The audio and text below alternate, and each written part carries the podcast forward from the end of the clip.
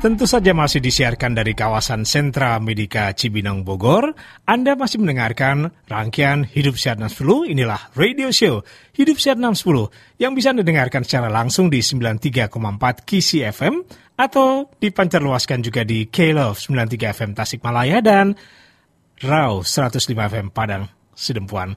Oke, selamat pagi semuanya. Terima kasih dan alhamdulillah kita masih terus bisa melanjutkan acara kita hari ini. Terima kasih Anda yang terus mendengarkan siaran kami di Tasikmalaya melalui K-Love. Dan halo selamat pagi Padang Sidempuan, rekan uh, Rau yang ada di sana. Selamat pagi, selamat mendengarkan Rau FM pagi hari ini.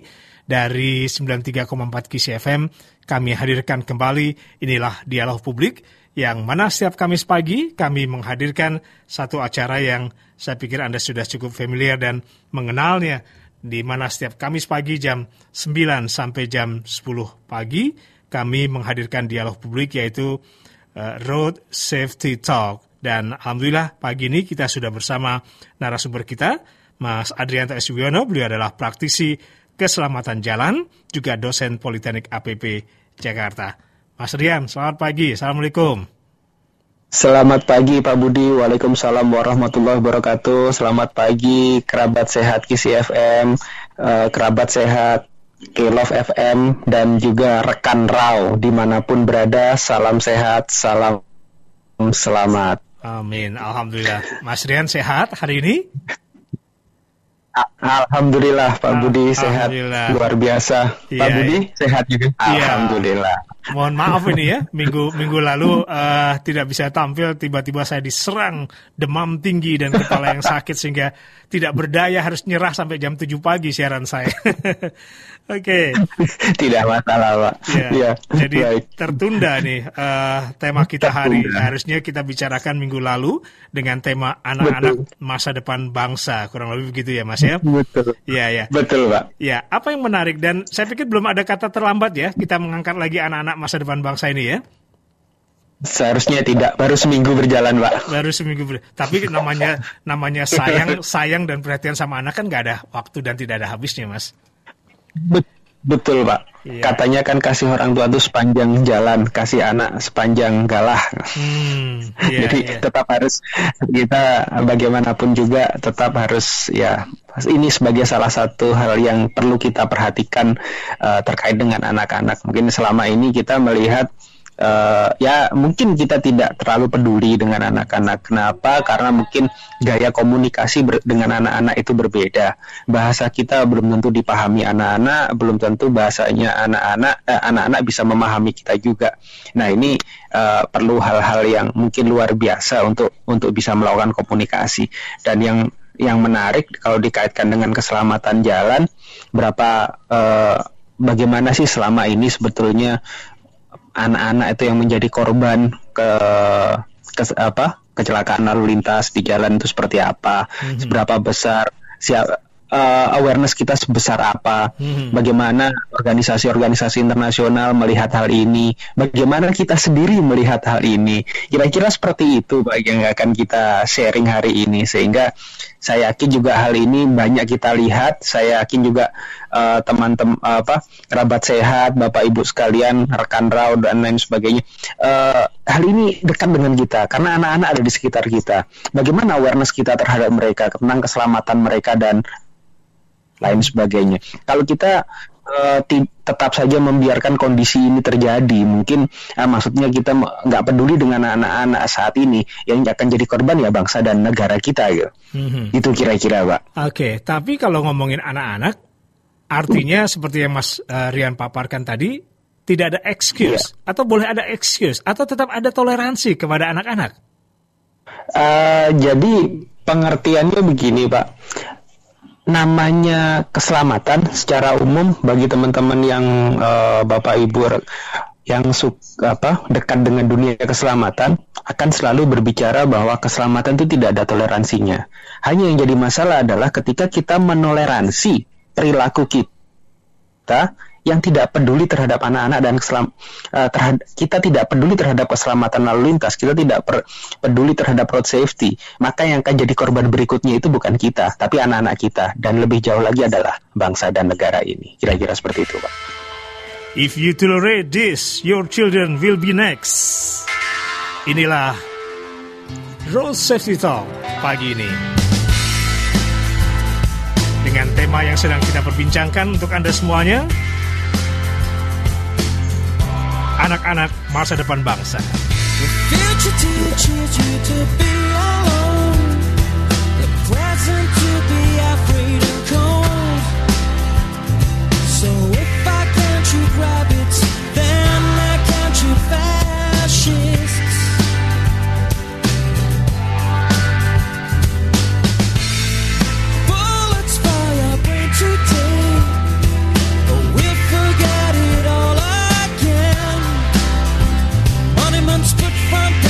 paper turns me into a godless one.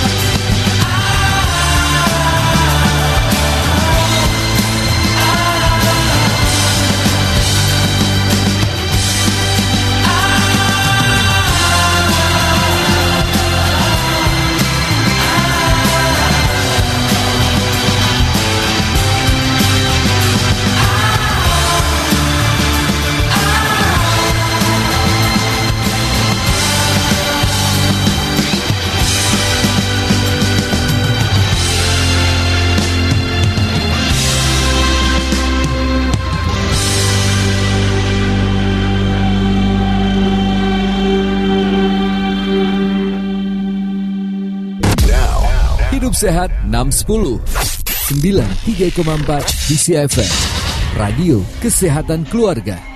Ya, jadi gitu ya mas ya. Kalau untuk anak, kasih sayang sama anak itu nggak ada habisnya. Sampai kapan pun anak pasti tetap terus disayang. Tapi kalau kaitannya dengan keselamatan di jalan Sepertinya nggak ada toleransi ya buat anak-anak kita ya.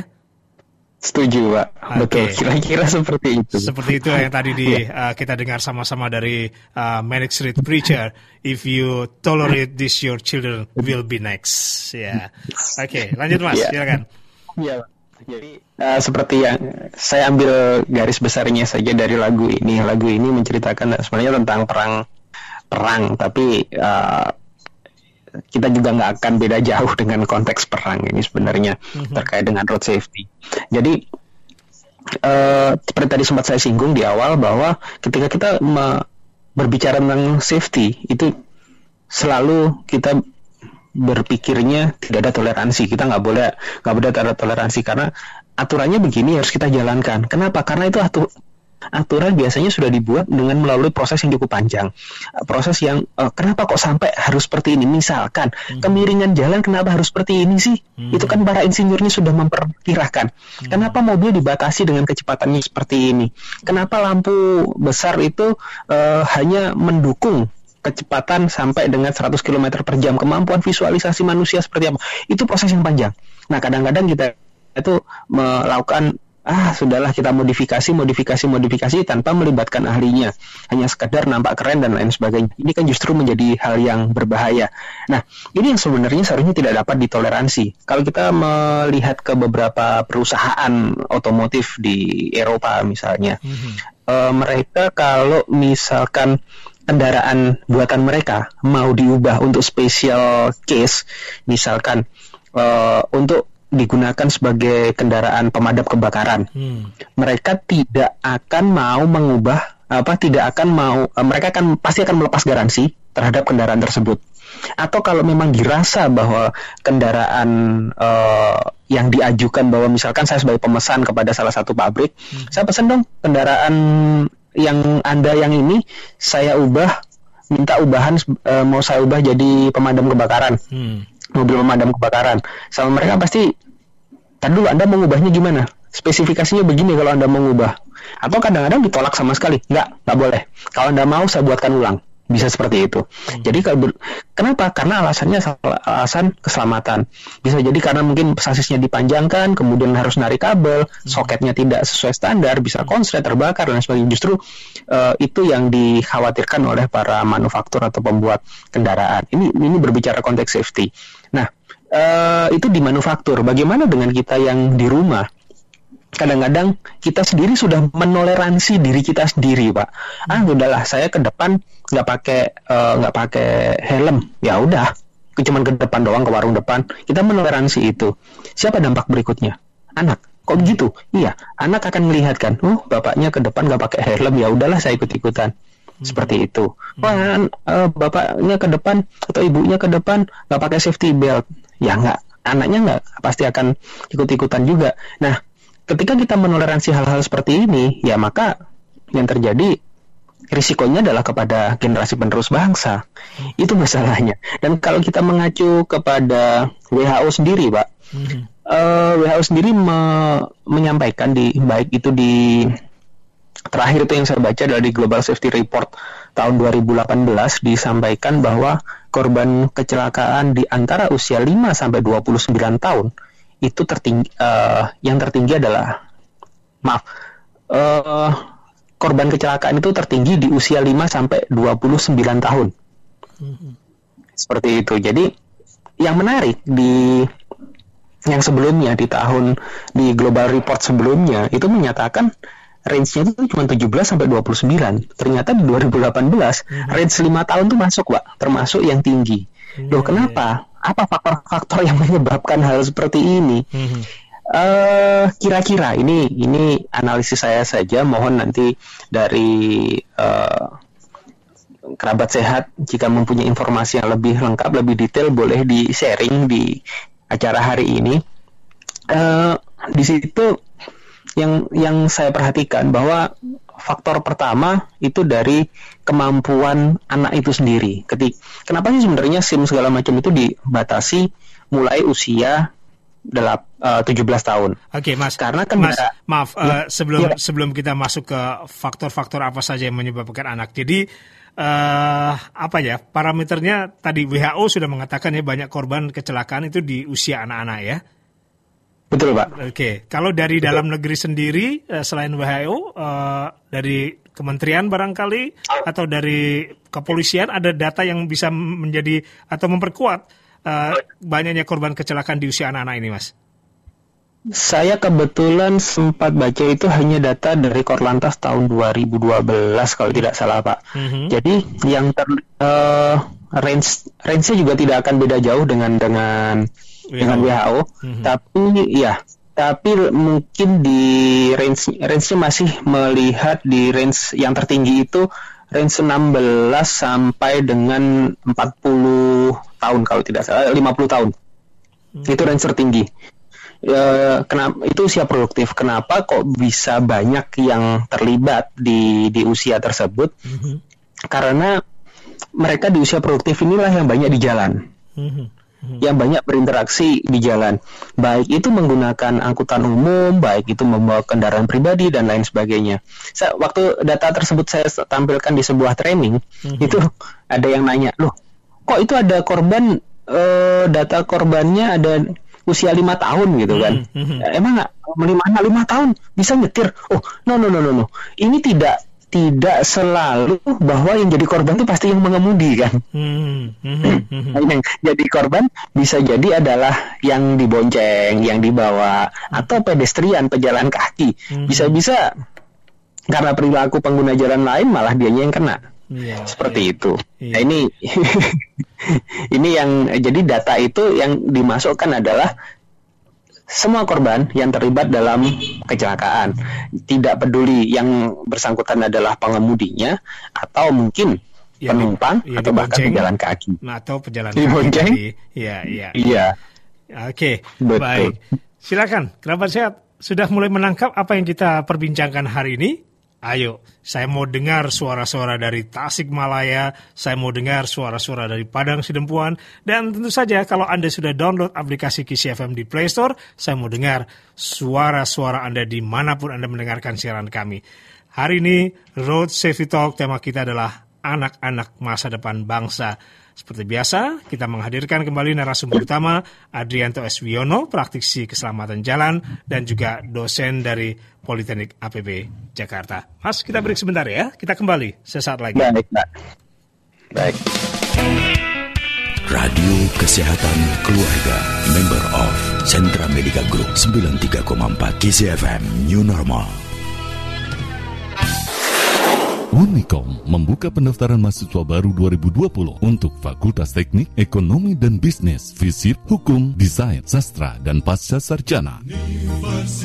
Unicom, juara dunia ICT 2019, World Skill Competition, Kazan, Rusia, nomor 1, juara Asia ICT 2018, Asia Skill Competition, Abu Dhabi, Uni Emirat Arab, 9 tahun juara dunia, kontes robot internasional Amerika Serikat, 7 tahun, juara Asia Asia Pacific ICT World APIKTA 4 tahun juara ICT ASEAN Skills Competition 10 tahun juara nasional kontes roket Indonesia 7 tahun juara nasional Indonesia ICT World juara Startup ASEAN World AIKTA 2018 pendaftaran online di www.unicom.ac.id Unicom Top 100 Best National Universities 2019. Now, Hidup Sehat 610 93,4 DCFM Radio Kesehatan Keluarga.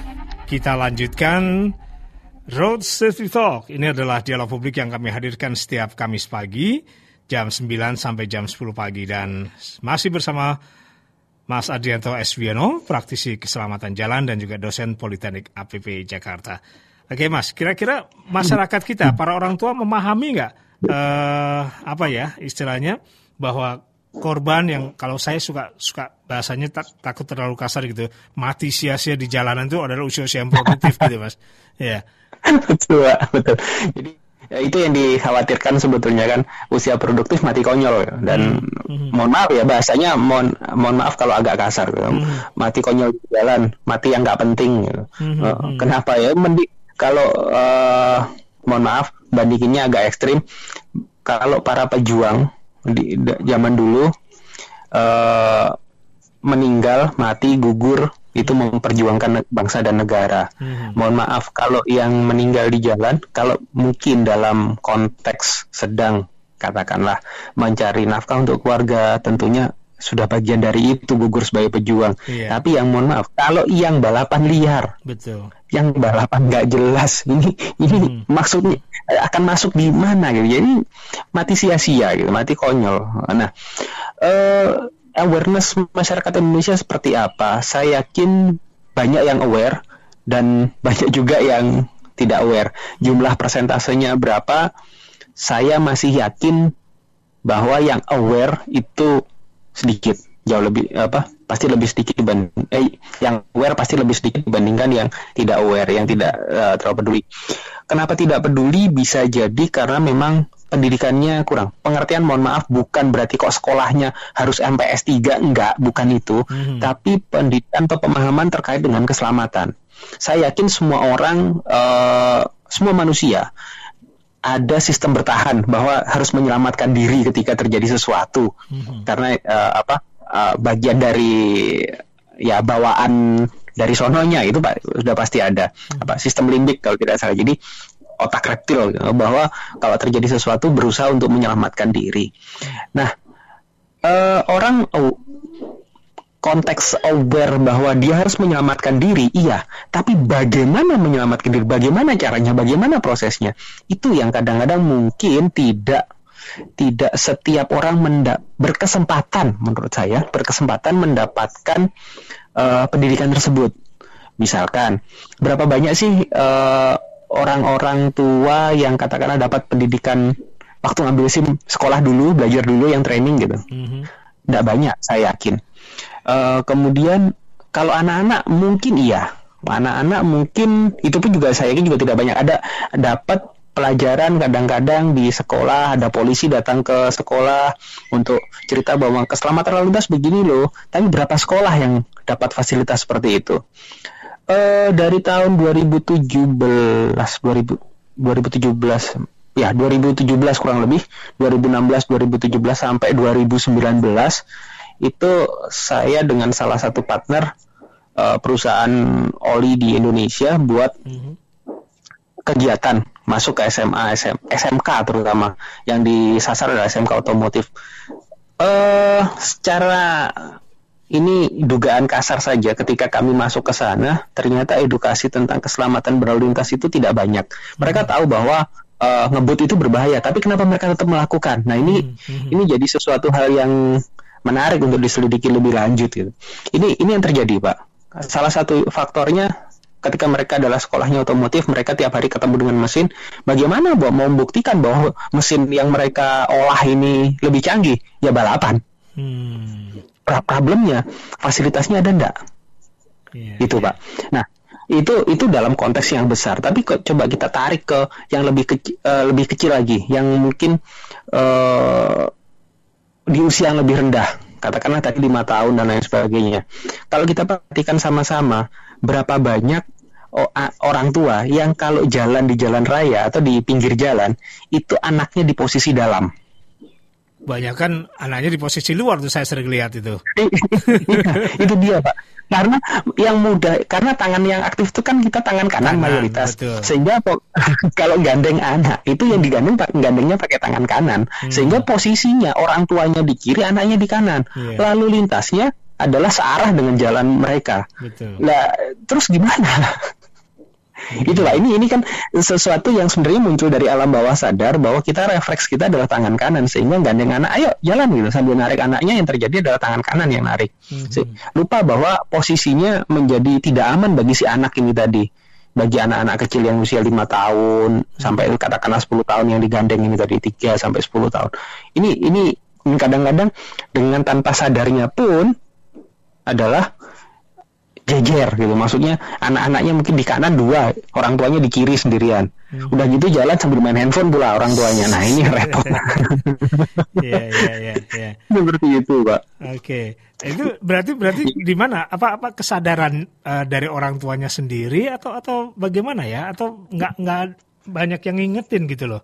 Ya kan kan bahaya sekali hmm. menggandeng anak anaknya di posisi luar ber, ber se, se, sejajar dengan jalan raya begitu ya. Gitu. Betul, Pak. Berbatasan dengan jalan raya langsung hmm. gitu kan. Hmm. Nah, hmm. ini saya, saya yakin begini, Pak. Uh, mohon maaf kalau salah, mohon dikoreksi uh, kerabat sehat sekalian. Uh, pemahaman saya karena yang bersangkutan memang mungkin lupa refleks saja ya ini yang perlu diingatkan bagaimana mengingatnya sebenarnya kan edukasi-edukasi uh, ke ya apa organisasi di sekitar kita misalkan ada pengajian hmm. ada apalah gitu kan persekutuan di sekitar situ hmm. mungkin bisa untuk untuk uh, sebagai wadah atau sebagai tempat untuk sosialisasi hal seperti ini ya saya lihat ada beberapa instansi atau beberapa perusahaan yang peng masuk ke dalam hal ini melibatkan banyak komunitas tapi saya tidak tahu berapa berapa besar sanggup menjangkau tapi paling sering kali kalau kita ke daerah saya yakin Mbak Budi juga ngalamin kalau kita cerita tentang keselamatan lalu lintas misalkan mereka bilang wow kenapa di sini? Kapan dong di sini? Kapan dong bikin acara tersebut di sini? Hmm. sering kali seperti itu. Hmm. ya kan pak kita, kita kita dari Jabodetabek gitu jalan katakanlah ke mana? Ke Kalimantan atau ke hmm. uh, Sulawesi atau ke Maluku gitu. Kalau kita cerita apa kami kemarin tuh barusan ada pelatihan safety riding misalkan hmm. gitu kan hmm. teman-teman di sana pasti kapan dong dibikin di sini kami juga pengen yang kayak kayak gitu hmm. ini yang uh, su nampaknya belum semu belum bisa terjangkau secara luas dari Sabang sampai Merauke hal-hal seperti ini ya ya balik lagi akhirnya jadi tanggung jawab siapa pertanyaannya akan menjadi seperti itu gitu. Ya, kalau tadi disinggung disinggung anak-anak dengan sepeda motor memang agak dilematis mas. Kalau kita ke daerah-daerah gitu beda dengan ibu kota begitu yang artinya transportasi umum dengan mudah bisa didapat gitu. Tapi kalau di daerah-daerah kan transportasi umum relatif agak jarang sehingga yang terjadi dengan kasat mata kita bisa bisa melihat bagaimana para orang tua ya tadi memberikan fasilitas transportasi dengan sepeda motor masing-masing. Satu anak satu motor begitu. Ya kan? Sehingga kan Persis, ini Pak. ini kan jadi agak dilematis juga gitu. Satu sisi Betul, uh, mungkin orang tuanya sadar bahwa anak-anaknya belum layak untuk bersepeda motor tapi satu sisi ya tadi transportasi umumnya agak repot gitu kan? Betul pak. Uh, saya mau komentar tentang hal ini. Hmm. Saya sepertinya saya sudah pernah uh, sampaikan di Road Safety Talk yang lain hmm. di sesi-sesi sebelumnya. Uh, satu kali kejadian saya ke di di Banjarmasin. Eh, mohon maaf, bukan. Saya ada acara dengan Kementerian Perhubungan pada waktu itu uh, tentang pelajar pelopor berlalu lintas. Ada salah satu peserta, kemudian saya tanya, bagaimana lalu lintas tempat Anda? Bagaimana uh, pelajar menggunakan sepeda motor? Gitu. Nah, ada salah satu peserta saya tanya dari mana? Kan saya dari Banjarbaru. Bagaimana kondisi di sana? Apakah uh, anda diizinkan pakai motor? Ya? Kami itu uh, di Banjarbaru katanya kesulitan angkutan umum, Pak. Pertama. Hmm. Yang kedua adalah kami di sana orang tua kami cukup sibuk sehingga tidak sempat me mengantar antar, ke sekolah. Gitu ya. Hmm. Antar jemput. Hmm. Akhirnya kami diberikan sepeda motor sehingga kami juga mengendari sepeda motor itu untuk ke sekolah. Tapi ya dengan tentunya kami belum punya SIM karena usianya kan memang belum mencukupi. Hmm. Seperti itu, Pak. Itu itu yang uh, terjadi ada salah salah satu apa yang disampaikan. Ya, saya yakin semua yang di luar Jabodetabek, luar Jawa terutama mm-hmm. pasti merasakan bagaimana susahnya mendapatkan angkutan umum kalau di daerah itu. Betul. Seperti yeah. itu. Itu itu itu tantangannya kalau di daerah sehingga ya akhirnya anak-anak muda ini ya anak-anak dalam konteks anak sekolah itu sudah terpapar atau terekspos uh, kendaraan bermotor yang tentunya belum waktunya. Seperti itu. Dan yang terjadi sampai aparat kepolisian pun juga melakukan uh, sweeping, melakukan apa razia bagi mereka yang tidak punya surat izin mengendarai itu di, di depan gerbang sekolahnya gitu, Mas. Kira-kira efektif nggak ya hal, -hal Betul, seperti itu? Uh, sebenarnya kan yang kalau mohon maaf, kalau yang saya tangkap sebenarnya kan masalah-masalah fasilitas, Pak.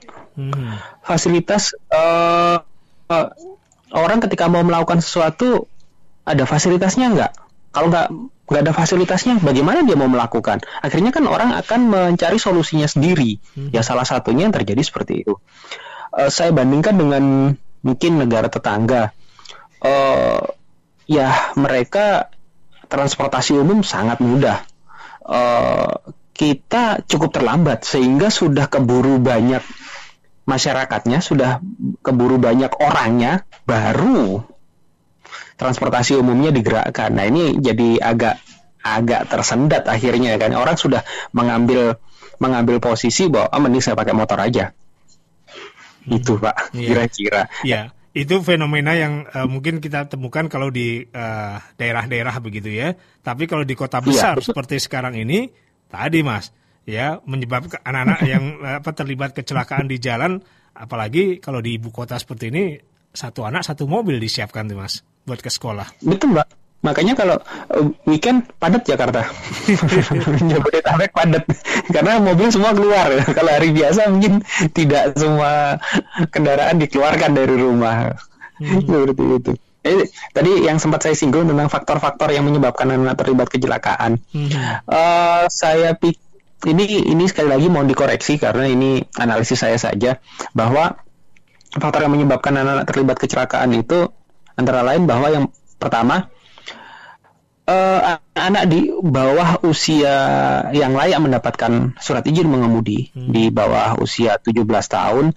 Kenapa kok mereka dilarang sebetulnya? Itu adalah karena mereka di, belum uh, kendaraan yang ada di pasaran itu digunakan untuk tinggi dan berat badan tertentu sebetulnya desainnya. Hmm. Nah, biasanya di bawah usia tersebut, secara fisik, rata-rata itu belum mampu menjangkau hal tersebut. Misalkan sepeda motor masih jinjit kalau usianya di bawah 17 tahun. Ini buat rata-rata. Meskipun ada yang usianya 16 tahun, 15 tahun, tingginya lebih tinggi daripada yang 17 tahun gitu. Betul, betul.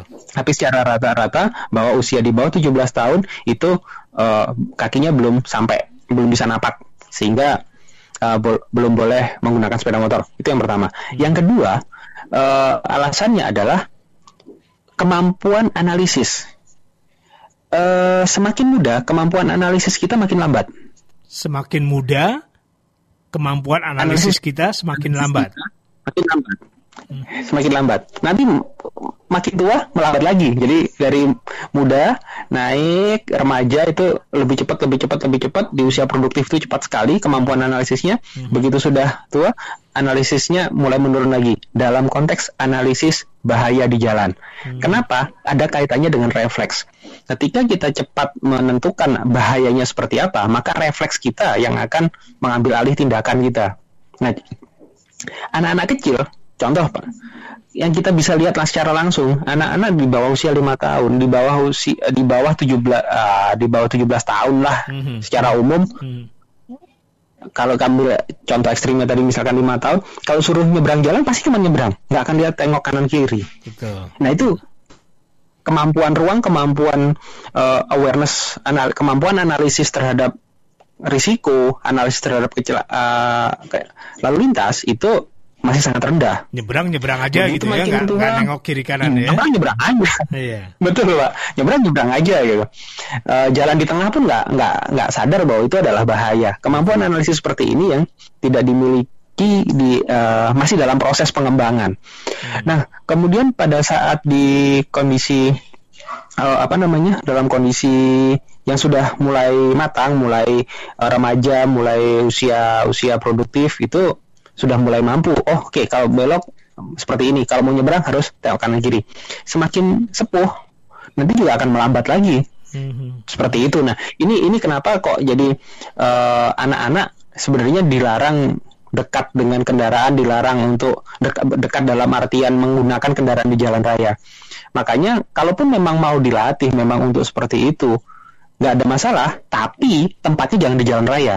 Mm-hmm. Lang di sirkuit khusus atau di lapangan yang memang jauh lebih luas karena sa saya yakin banyak dari kerabat sehat itu ser, uh, mungkin pernah lihat itu anak usia 3 tahun, 4 tahun itu bawa motor. Betul. Di tapi itu tidak di jalan raya, Betul. biasanya di uh, closed area gitu. Yeah. It, mampu, mampu. Tapi ketika mereka, kenapa mereka nggak boleh di jalan raya? Gak akan kelihatan karena kecil. Mm-hmm. Salah satu faktor berikutnya, mm-hmm. iya kan mbak? Yeah, Sedangkan yeah. kendaraan-kendaraan besar sebesar-besar itu, bagaimana berinteraksi di jalan raya? Betul. Ya ris risikonya jadi tinggi. Ya itu trennya itu dengan uh, motor-motor mini trail begitu ya, yang anak-anak kecil sudah bisa bawa hmm, itu ya. Oke. Okay. Betul pak. Ya, ada Ibu Ani di Tapos, Mas Rian. Wah. Ya. Iya uh, baik pak. Mas Budi, Mas Rian, Ibu Ani rumahnya kebetulan di pinggir jalan raya nih. Saya sering ah. lihat, saya sering lihat sekali ibu-ibu tuh kalau jemput sekolah PAUD, SD gitu yang kelas 1, iya. pegang tangan atau yeah. naruh anaknya di sebelah kanan ibunya. Artinya, ya, kan? artinya anaknya ada di jalan raya atau di aspal.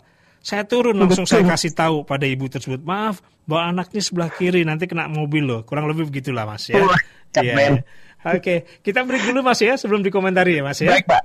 Siap.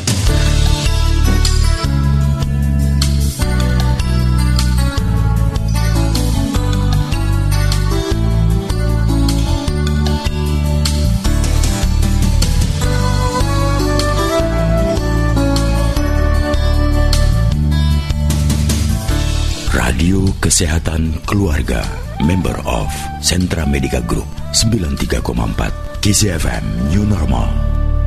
Hai Jennifer, bingung cari internet yang cepat, stabil, tapi harganya murah? Pilih aja Binetfit. Selain memiliki jaringan internet yang cepat dan stabil, Binetfit juga memberikan harga yang murah loh. Mulai dengan Rp199.000, kamu sudah bisa internetan dengan kecepatan 10 Mbps tanpa batasan kuota. Kamu bisa streaming, download, dan main game online sepuasnya. So, tunggu apa lagi? Pasang Binetfit sekarang juga. Untuk berlangganan, hubungi ke 021 3973 9090 atau WhatsApp ke 0877 2009 0403. Binetfit, Powered Internet. Now, Hidup Sehat 610 93,4 di CFM Radio Kesehatan Keluarga. Kerabat sehat, Anda yang mendengarkan siaran kami di Raw FM Padang Sidempuan dan yang mendengarkan siaran kami di K-Love FM Tasikmalaya, silakan Anda masih punya waktu untuk terlibat dalam obrolan kita hari ini.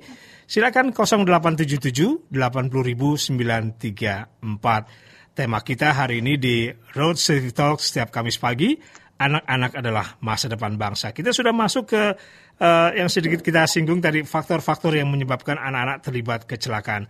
Gimana Mas? Uh, apa komentarnya buat Bu Ani di Tapos tadi? Wah, luar biasa Ibu Ani. Terima kasih sekali sudah ikut berpartisipasi mengingatkan pengguna jalan lain. Hmm. Kadang saya sendiri pun agak nggak enak mau negur orang, tapi Bu Ani punya kemampuan untuk hal tersebut gitu. Kenapa Mas? luar biasa. Banyak orang yang agak agak enggan gitu ya memberikan uh, apa mengingatkan orang yang ketika dalam situasi yang berbahaya tadi Mas. Iya pak, uh, mungkin ini masalah kebiasaan sih pak ya. Hmm. Uh, dalam konteks ini saya, saya pribadi ketika mau negur orang masih banyak yang saya pikirkan. Uh, saya misalkan nggak enak hati, nah itu pak, hmm. wah ini saya tegur, ya nggak ya. Uh, kira kan ada urutannya. Mungkin saya bagian yang selemah-lemahnya iman pak, jadi mendoakan saja. Hmm. hmm. mungkin mungkin ada teman-teman yang ya setiap orang punya kemampuannya masing-masing. Ada yang mengingatkan dengan cara seperti ini, ada yang mengingatkan mampu mengingatkan dengan cara langsung menegur dan lain sebagainya. Ya sudahlah saya pikir kita jalan dengan cara kita masing-masing. Yang penting tujuannya adalah menyelamatkan uh, banyak nyawa terutama untuk bangsa dan negara ini. Kira-kira seperti itu. eh, keren Bu Anit. Eh, saya yakin uh, ini tidak hanya fenomena di sekitar Tapos di tempat Bu Ani, saya yakin di berbagai tempat pun mungkin di Padang Sidempuan, mungkin di Tasik pun demikian. Kalian mungkin kalau ada dari rekan raw ataupun kerabat sehat yang di Tasik bisa apa bisa menyampaikan kira-kira kalau di sana kondisinya seperti apa? Apakah juga seperti yang tadi saya ceritakan gitu? At, uh, pendidikan berlalu lintas di sana seperti apa? Adakah kegiatan rutin, hmm. misalkan sosialisasi tentang keselamatan? Kita ini kan masalahnya, Pak. Dengan keselamatan lalu lintas, awareness kita itu, mohon maaf, kita itu nggak nggak aware. Kenapa ya? Nggak, saya juga nggak tahu. Ini dianggap kayaknya kurang menarik. Padahal korban kecelakaan lalu lintas itu adalah yang sangat besar. Betul. Betul. Justru terbesar di antara uh, dibandingkan dengan katakanlah bencana alam Tapi, kalau dibuat rata-rata iya, per tahunnya. Masyarakat banyak yang kurang tertarik kalau bicara edukasi mengenai keselamatan di jalan gitu ya, kecelakaan tadi Mas ya. Iya, Mm-hmm. Coba kalau bicaranya jantung, wih jantung, mm-hmm. udah sudah sesuatu yang wow, sudah sesuatu yang nampak keren gitu kan. Mm-hmm. Wah nanti operasinya begini begini begini. Tapi nggak pernah ada yang bahas. Lo kalau kamu kecelakaan nanti harus dipen harus ah itu mm-hmm. nggak ada pak. Mm-hmm. Sedikit sekali. Tapi kalau udah bicara sakit jantung nanti oh ring masang ring begini kemampuan di uh, dokternya di sini begini. Itu jadi kok kayak topik yang seru untuk dibahas gitu. Mm-hmm. untuk yang saya tangkap di beberapa mm-hmm. fenomena. Kira-kira faktor apa lagi mas yang menyebabkan anak-anak terlibat kecelakaan di jalan mas? Baik, itu dari faktor pengguna ja, apa uh, usia tadi pak ya, hmm. usia kemudian uh, kenapa kok tidak boleh anak-anak muda apa di bawah di bawah 17 tahun menggunakan kendaraan bermotor. Nah, faktor apa lagi yang kira-kira bisa melibatkan? Ya tadi salah satunya adalah ke, ke, kepedulian kita, Pak. Kepedulian kita dalam konteks tadi misalkan bahwa anak-anak jalan di sisi sebelah kanan, hmm. bukannya di sebelah kiri, bukan sisi di sebelah dalam, mohon hmm. maaf. Hmm. Jadi kalaupun kita berlawanan arah kan si anak memang betul di sebelah kanan gitu. Tapi kalau kita searah dengan lalu lintas ya berarti kan si anak harus ada di sebelah kiri. Hmm. hmm. Seperti itu. Itu uh, faktor lain. Kemudian uh, faktor kepedulian yang lain adalah dari mohon maaf uh, kita kadang-kadang sering menyinggung bahwa aparat misalkan atau uh, pemberi edukasi. Pemberi edukasi. Sejauh mana mm-hmm. pemberi edukasi? Pemberi edukasi bisa banyak baik itu aparat maupun uh, siapa pun dari pemerintah, dari sekolah dan lain sebagainya. Ini sejauh apa peduli akan hal ini? Ini juga sebagai salah satu penyebab terlibat uh, menyebabkan anak-anak bisa terlibat suatu kecelakaan. Kok gitu? Iya, Pak. Hmm. Karena anak-anak uh, edukasi balik lagi edukasi terhadap orang tua aja kurang gitu. Apalagi terhadap anak-anak. Apalagi kemudian yang kita tarik lagi ke daerah-daerah di luar Jabodetabek. Hmm. ini menjadi salah satu faktor. E, dulu sempat ada rencana masuk ke kurikulum sekolah tapi mohon maaf saya sampai saat ini pun belum tahu keberlanjutannya modul-modulnya saya sempat punya kayaknya masih ada di saya itu untuk anak usia uh, kelas 1 sampai kelas 6 saya pun punya yang punya tetangga sebelah, artinya dari negara uh, sebelah, tetangga, negara tetangga bahwa dari Malaysia itu ada untuk pendidikan berlalu lintas usia 1 sampai 6 tahun. Itu ada seperti itu. Buku fisiknya saya lupa naruh nih. itu hal yang apa ya? Uh, bentuk kepedulian tapi seberapa sering waktu itu di di konferensi road safety di tahun 2015 di Kuala Lumpur uh, ada satu dosen dari RMIT Royal Melbourne Institute of Technology namanya Dr. Richard Tai beliau cerita tentang banyak iklan banyak penelitian terkait dengan iklan keselamatan lalu lintas. Mm-hmm. terus profesor saya dari sini dari teknik sipil Untar Pak Profesor Roxmono tanya Pak Pak Richard mana yang lebih uh, efektif untuk menyadarkan orang terkait dengan keselamatan lalu lintas? Video atau iklan yang halus-halus atau yang serem-serem tertabrak berdarah-darah patah tulang dan lain sebagainya bila, bila bilang apa mana pun sama baiknya karena kemampuan orang menerima beda-beda maksudnya beda-beda ada orang yang bisa menerima hal yang serem ada yang enggak nah masalahnya adalah kita konsisten nggak dengan hal tersebut itu aja Jadi kuncinya itu konsisten. Okay. Kuncinya adalah konsisten bahwa iklan itu harus rutin ada, nggak boleh nggak. Mm-hmm. Nah, oke, okay, mungkin uh, pendidikan berlalu lintas ada, tapi rutin nggak. Okay. Setidak-tidaknya akan menarik kalau misalkan mau perbarui, apalagi sekarang zaman online, saya yakin jadi lebih mudah. Mm-hmm. Mau perbarui SIM, wajib online baca ini dulu, e-learning dulu harus mm-hmm selesai hmm. sampai ujian sedikit ujian lah sedikit tes gitu kan buat refresh doang hmm. habis itu hasilnya itu dibawa ke kantor polisi untuk perpanjangan SIM. Itu saya pikir menjadi hal yang menarik gitu. Konsistensinya itu dapat. Jadi paling tidak konsistennya per lima tahun itu harus ada. Okay. seperti itu pak. Ya Pak Rojali ini di Taman Kenari Jagorawi. Hidup sehat dan 10 Mas Rian Mas Budi selamat ya, pagi. Pak.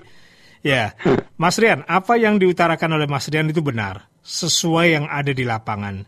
Yang ingin saya share, apa upaya ya. mengurangi angka kecelakaan anak usia sekolah dan pas di jam sekolah? Ya, selain betul. selain cegah beri anak sepeda motor, gimana kalau terapkan zona selamat sekolah dan siapa saja yang harus ya. terlibat? Terima kasih Pak Rojari Albeladi di Taman Kenari Jagorawi. Mas, last minute kita ya. karena waktu kita terbatas kita break sebentar ya Mas ya. Iya. Oke, Pak.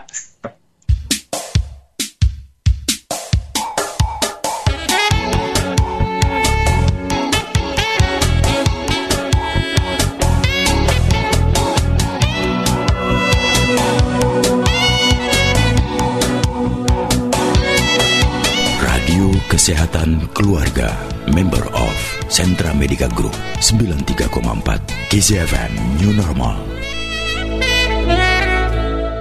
Halo kerabat sehat, kabar baik buat kalian semua yang sedang cari tempat kuliah kesehatan dengan banyak pilihan program studi, ya di IMDS.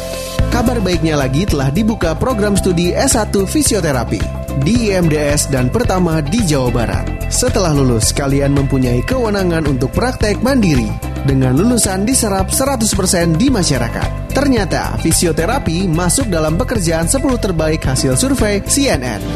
Ayo daftar sekarang juga. Informasi lebih lanjut, hubungi marketing kami di nomor WhatsApp 0813 8371 8185 atas nama Herdi atau kalian daftar online di pmb.imds.ac.id.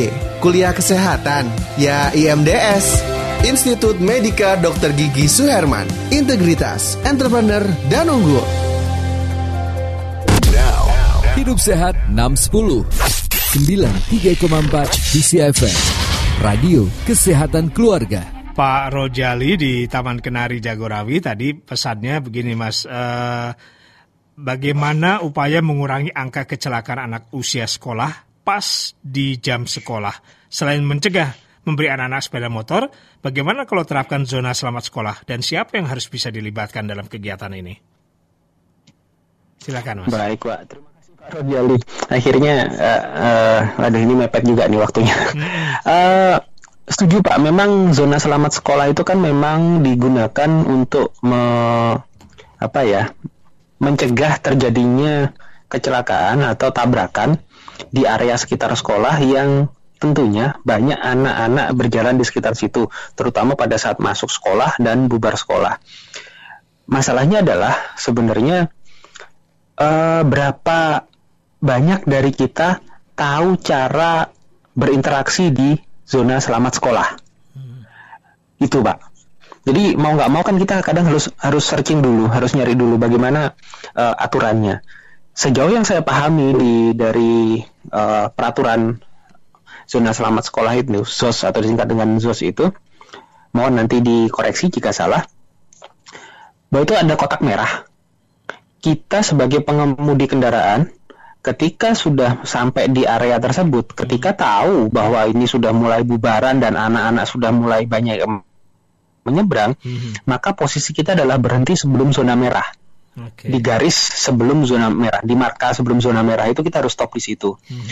Begitu tahu daerah ini daerah sekolah kelihatan sos dari jarak jauh, kita sudah mulai turunkan kecepatan sampai di garis marka sebelum zona merah itu langsung kita hentikan kendaraan. Hmm. Seperti itu, memberikan kesempatan semua berinteraksi, selesai baru kita bergerak lagi.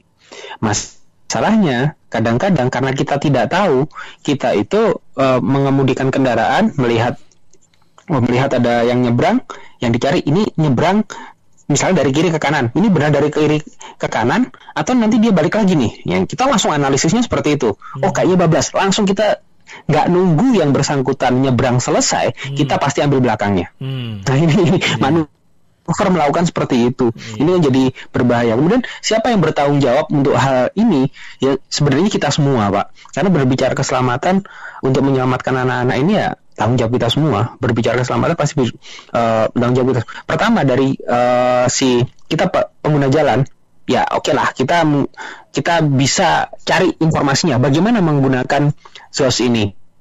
Bagaimana kita berinteraksi di ZOS ini. Ada uh, apalagi dengan googling dan lain sebagainya kita bisa mendapatkan hal yang lebih apa informasi tersebut jauh lebih mudah dibandingkan dulu. Kalau tahun-tahun 90-an internet masih bukanya cuma Yahoo aja gitu kan kita mungkin agak agak kesulitan. Sekarang resource sangat banyak di internet sehingga kita lebih mudah untuk belajar. Nah, bagaimana dengan si pembuat aturan ataupun uh, aparat? Ya, sosialisasi seharusnya seperti itu. Okay. Jadi tidak bisa kita menggantungkan hanya kepada satu orang. Baik. Kurang lebih begitu sih, Pak. Penanya terakhir dan sekaligus mungkin nanti diringkas dan ditutup ya, Mas ya. Ada Ibu Baik, e, ada Ibu Els ini. Maaf telat, maaf maaf telat. Satu aja mau tanya. Sebenarnya yang, ba yang bagus atau sebaiknya jalan di pinggir jalan itu posisinya bagaimana ya? Seandainya kita ada di sebelah kiri, kita menghadap ke arah kendaraan atau membelakangi kendaraan. Ibu Els, diringkas dan sekaligus ditutup, Mas. Baik, terima kasih Ibu Els. Ini debatable Ibu. Uh, jadi debatable ada ya. Yang menya debatable. Hmm. Nah, jadi masih ada yang menyatakan bahwa se searah dengan lalu lintas itu yang terbaik. Ada ada yang menyatakan bahwa berlawanan arah itu uh, lebih baik. Semua punya kelebihan dan kekurangannya masing-masing. Izinkan secara singkat bahwa kalau berlawanan tentu ini yang tren yang terbaru adalah yang jalannya berlawanan dengan arah arus lalu lintas supaya kita lebih mudah mendeteksi. Nah, masalahnya adalah ke, uh, ketika arah berlawanan adalah kema uh, reaksi dari si pengemudi, Pak, ketika melihat pengguna jalan dari arah yang berlawanan. Ini akan lebih lambat dibandingkan dengan ketika sama-sama satu arah. Hmm. Itu dari sisi pengemudinya kan.